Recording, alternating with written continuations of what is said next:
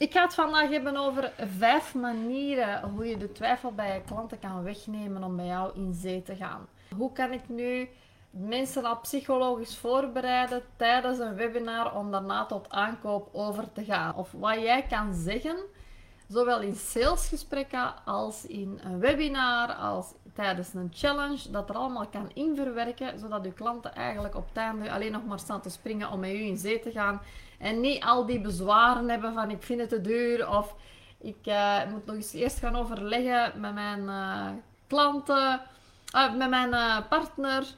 Al de bezwaren die ze maar kunnen hebben, ehm, die gaan we tackelen. Het is ook een hele belangrijke dit, want als je dit echt gewoon onder de knie hebt, dan kunnen je klanten niet veel meer inbrengen. En zeker als dat echt geschikte potentiële klanten zijn, kan je echt op deze manier ehm, waar de oorspronkelijke klanten waarschijnlijk dachten van ah ja, het is misschien iets voor mij of het is een nee, nu op deze moment, toch nog om te overen in een ja. Dus ik deel even vijf manieren mee om twijfels weg te nemen in verkoopsgesprekken. En vroeger vond ik dat zelf super moeilijk om te reageren op zinnen zoals ja, maar ik vind het toch wel wat te duur, of ik heb het geld niet, of ik ga eerst nog met mijn partner spreken, of ja, het is nu echt niet de moment, want ik heb juist een grote uitgave gedaan. Ik wist eigenlijk niet goed hoe ik daarop moest reageren. En ehm, ik denk dat het heel interessant is dat ik u nu laat zien hoe dat ik dat nu doe. Zodat je dat zelf kan, ook kan overnemen, weliswaar met je eigen woorden en met de woorden die jouw klanten gebruiken, uiteraard.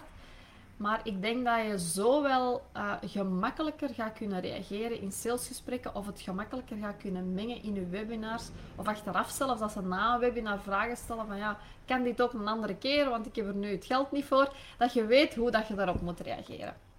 En misschien is dat ook wel jouw grootste allergie om bezwaren te horen tijdens die verkoopsgesprekken. Of vind het irritant of maakt het u onzeker? Hè? Soms krijgen we het Spaans benauwd als klanten iets tegen ons zeggen waarvan dat we eigenlijk niet weten hoe dat we erop moeten reageren. Dat weet ik als de beste.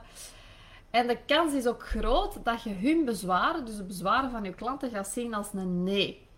Als een signaal dat de verkoop eigenlijk voorbij is. En dat is zonde, want bezwaren zijn eigenlijk prachtkansen. Nu bekijk ik dat zoals mensen tegen mij zeggen: ja, ik vind het te duur, ik moet nog eerst eens gaan overleggen. Ik weet exact hoe dat ik erop moet reageren. En ik zie dat echt als een kans om nog meer te connecten eigenlijk met mijn klant. En nog meer aan de behoeften te voldoen van mijn klant. En je kunt verkopen leren, maar je kunt ook leren omgaan met de bezwaren van die klanten. En in deze live ontdekte eigenlijk hoe je kunt reageren op de twijfels van je potentiële klanten, waardoor dat ze alsnog ja gaan zeggen op uw aanbod. En de meest gehoorde twijfels, kan ze natuurlijk niet allemaal gaan tackelen hier, maar de meest gehoorde twijfels en bezwaren heb ik even op een rijtje gezet voor jullie. En elke keer laat ik u zien hoe je daar best op kunt reageren. En zoals ik al zei, je kunt dat zowel in één op één gesprekken toepassen, als tijdens een webinar of na bijvoorbeeld het geven van een challenge. Uh, ik tackle deze vaak in een webinar alvorens ze komen met bezwaren. En dat vind ik veel fijner dan als ze achteraf komen. Ja, maar ik vind het te duur. Ja, maar ik moet er nog eens eerst overleggen. Ja, maar ik ga eens een andere keer um, instappen, want nu komt het niet uit. Dat zijn dingen die ik eigenlijk al tackle doorheen mijn webinars, doorheen mijn challenges. En dat maakt dan ook weer deel uit van je klant psychologisch voorbereiden op een aankoop. Nu, wat je absoluut moet weten over bezwaren. Alle mensen dus ook uw potentiële klanten willen zich gezien of gehoord voelen. Dus blijf in contact als de ander met twijfels komt. Dus ga niet afhaken als iemand zegt, ja, maar ik vind het te duur. Zorg dan dat jij toch nog steeds in contact blijft. Dat is geen afwijzing. De ander wil gewoon gehoord worden. En vaak vinden ze het niet te duur. Vaak is dat gewoon iets dat ze zeggen om, ja, omdat ze twijfels hebben. Dus neem altijd een nieuwsgierige houding aan en onderzoek wat de achtergrond is van het bezwaar. Dus zie het als een soort van inspiratie dat ik hier meegeef, maar gebruik straks ook echt uw eigen taal, want dat zal het vertrouwen van uw klant in u alleen maar bevorderen. Ook nog één ding dat ik wil zeggen, een van de meest belangrijke verkoopsvaardigheden trouwens is uw mond houden. Want als je straks in gesprekken reageert op die bezwaren, laat daarna steeds een stilte vallen. En dat is kei moeilijk. En ik moet zeggen, tot op de dag van vandaag heb ik, heb ik het daar zelf ook moeilijk mee. Want ik hou helemaal niet als hoogsensitieve persoon van spanningen. Spanningen whatsoever. In geen enkel deel van mijn leven. Dus laat staan in verkoopsgesprekken waarvan ik voel dat een ander het spannend vindt of zich niet goed voelt, dan ben ik altijd echt geneigd om die persoon op zijn gemak te stellen, of haar gemak te stellen. En dat is ook iets dat ik echt heb moeten leren, om die stiltes te durven laten vallen. Want voor mij was dat een hele stap dat ik moest maken om te zwijgen eigenlijk, om die mens zich in zijn oncomfortabele situatie te laten. Zodat hij zelf zou inzien van oké, ik moet hier wel eens iets gaan doen, precies. Allee, ik moet stoppen met die excuses en ik ga in zee gaan met Sophie. Dus, en dat is misschien heel oncomfortabel, maar that's where the magic happens. Neem het van mij aan. Dus bezwaar 1 is heel vaak de prijs. Hè. Ik vind het te duur, of ik zag dat ik het ergens anders goedkoper kon krijgen. Bij D-coach was dat maar 1000 euro en bij u is dat 2500 euro. En, en het is ontzettend waardevol als uw klant bereid is om dat te delen met u. Dus besef dat als hij tegen u zegt dat ze het te duur vinden of dat ze het ergens anders goedkoper hebben gezien, beschouw dat dan echt als iets waardevol. Want hij of zij toont zich kwetsbaar. Dus zorg er nu voor dat de klant zacht bij u kan landen. Dus ga nooit omlaag met je prijs. Nooit doen. Sta voor wat jij waard bent. Dus vraag gewoon door naar de achtergrond van die opmerking. Zeg dan gewoon bijvoorbeeld, puur uit interesse, Evie, heb je het geld niet? Of durf je het misschien niet aan te geven? Of zeg van, eh, het is een serieuze investering. Dat klopt.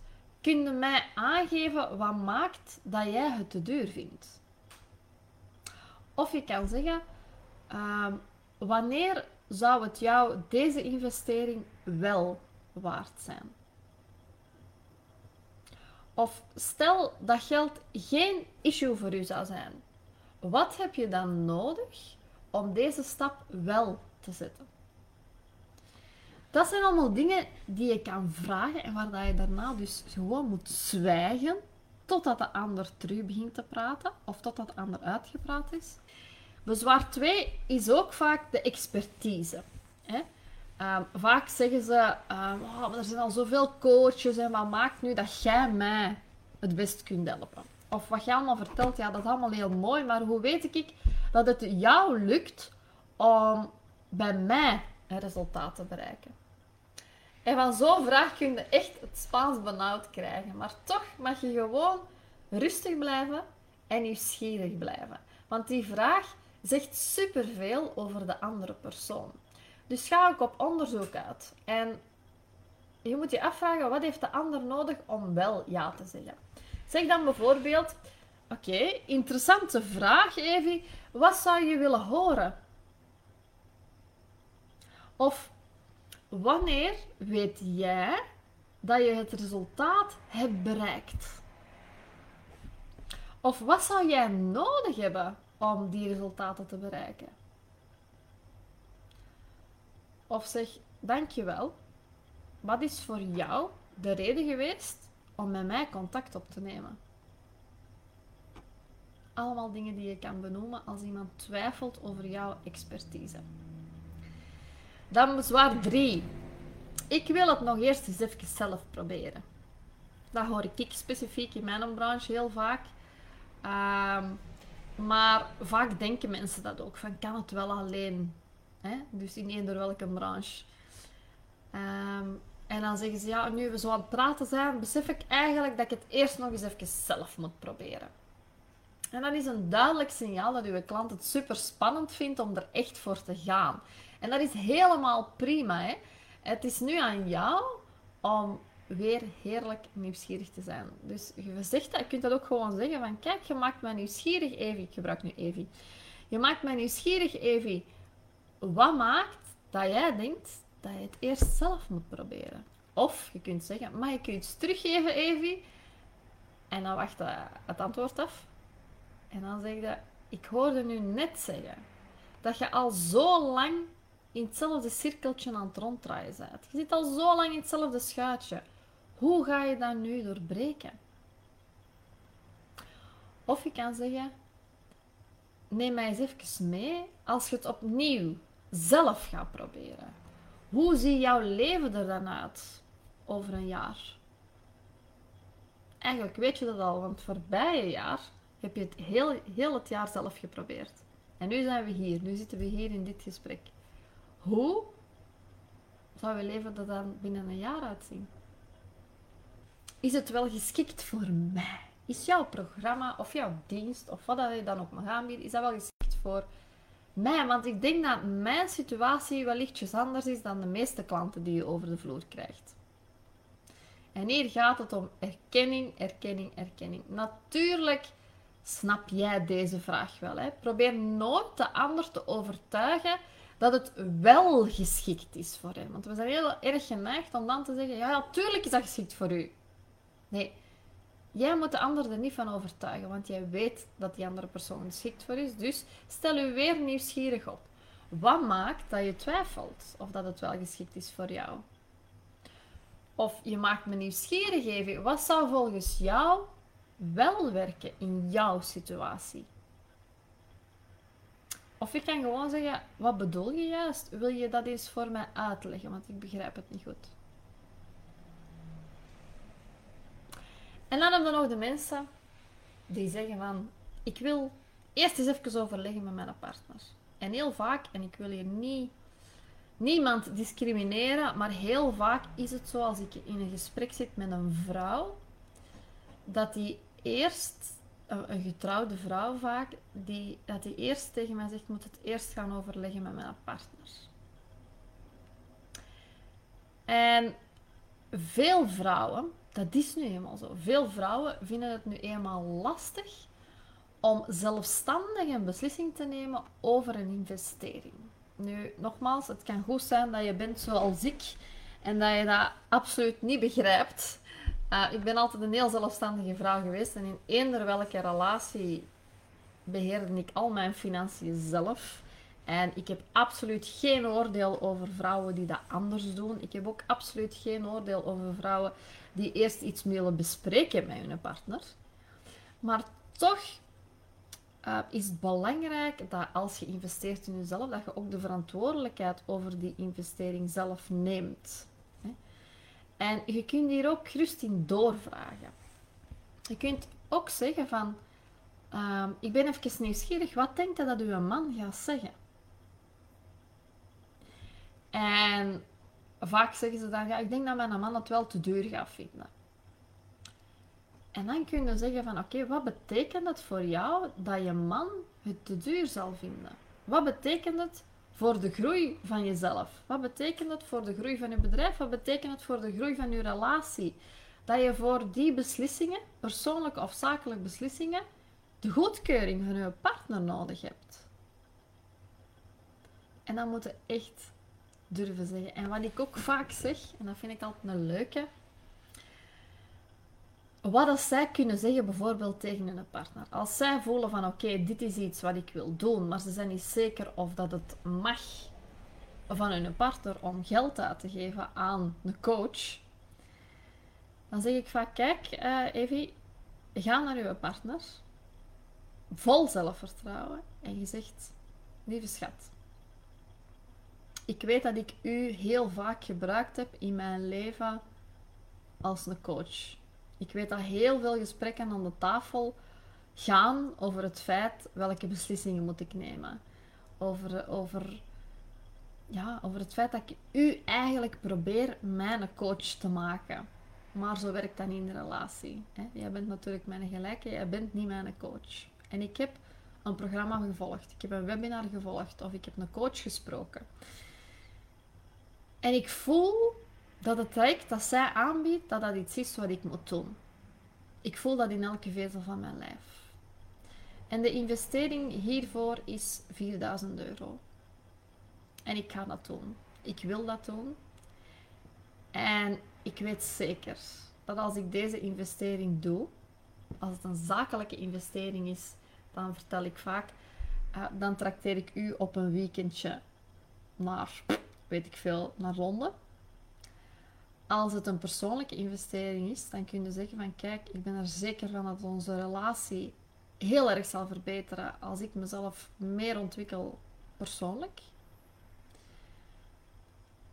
En ik hoop dat je mij hierin steunt, in deze beslissing die ik eigenlijk zelf al gemaakt heb. En dat is vaak iets heel krachtig.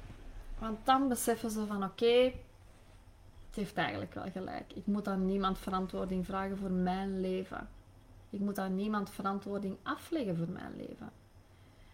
En als je zo zelfzeker naar je partner stapt, ja, dan gaat hij waarschijnlijk zoiets hebben van oké, ja, schat, als jij vindt dat, ik dat, moet, dat je dat moet doen, dan moet je dat gewoon doen. En uh, is dat niet het geval, dan nog gaat hij die, die zelfzekerheid voelen. Dus dat is iets wat je kan zeggen tegen iemand die zegt van oké, ik moet het eerst nog eens gaan, um, gaan horen bij mijn partner of dat wel iets is wat ik ga doen.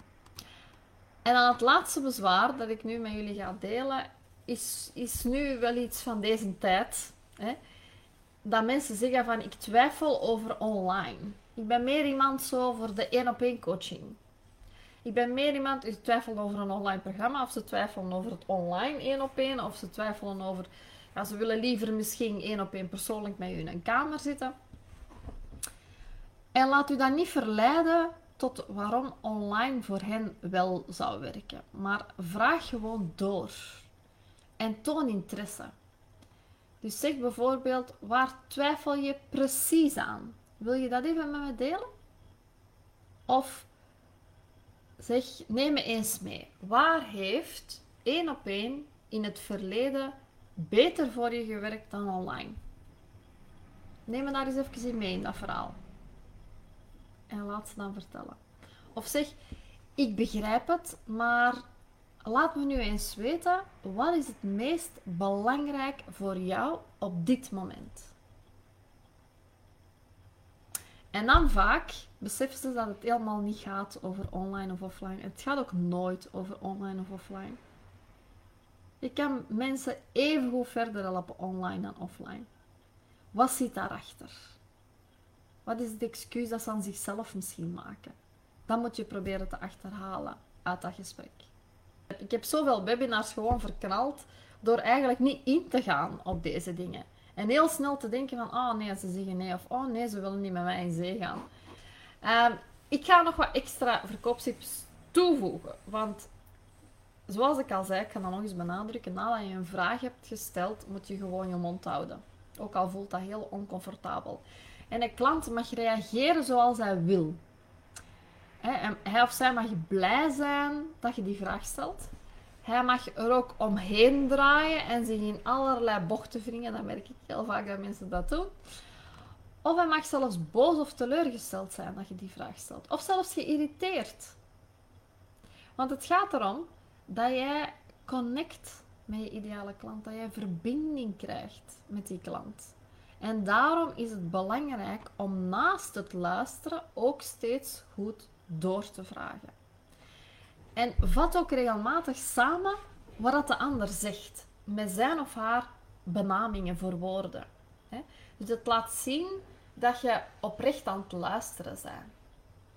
En ook voor de klant is het heerlijk om zijn of haar verhaal nog eens terug te horen. Mensen horen dat graag. Dus gebruik zoveel mogelijk de woorden van uw klant en improviseer ook. En zorg ook voor een lach of een traan. Beiden is goed. Mocht een klant nu bijvoorbeeld in tranen uitbarsten, probeer dan ook dat niet weg te blazen. Let it be. De klant heeft bij jou de veiligheid gevonden om zijn of haar emoties te laten zien. En dat is mooi. Want dan heb je eigenlijk al een kleine doorbraak. En luister. Want naast het luisteren en doorvragen, ga je natuurlijk ook nog pitchen. Je vertelt over je aanbod. Maar als je dan begint te vertellen over je aanbod, hou het dan ook kort en simpel. En zorg ervoor dat je niet gaat uitweiden.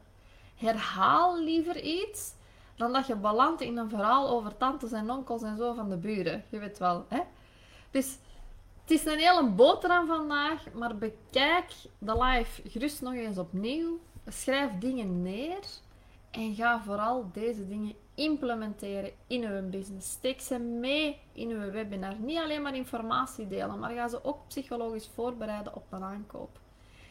Uh, en gebruik dit ook zeker in verkoopsgesprekken. Als je nu merkt dat uw klanten niet echt gereageerd hebben tijdens uw webinar of tijdens uw challenge, dan kun je de mensen waarvan dat je denkt dat ze een ideale klant zouden zijn voor jou eruit pikken, vragen voor een gratis gesprek en dan al hun bezwaren gaan tackelen in dat gratis gesprek. En kijk dan hoe dan een oorspronkelijke nee vaak nog een ja wordt.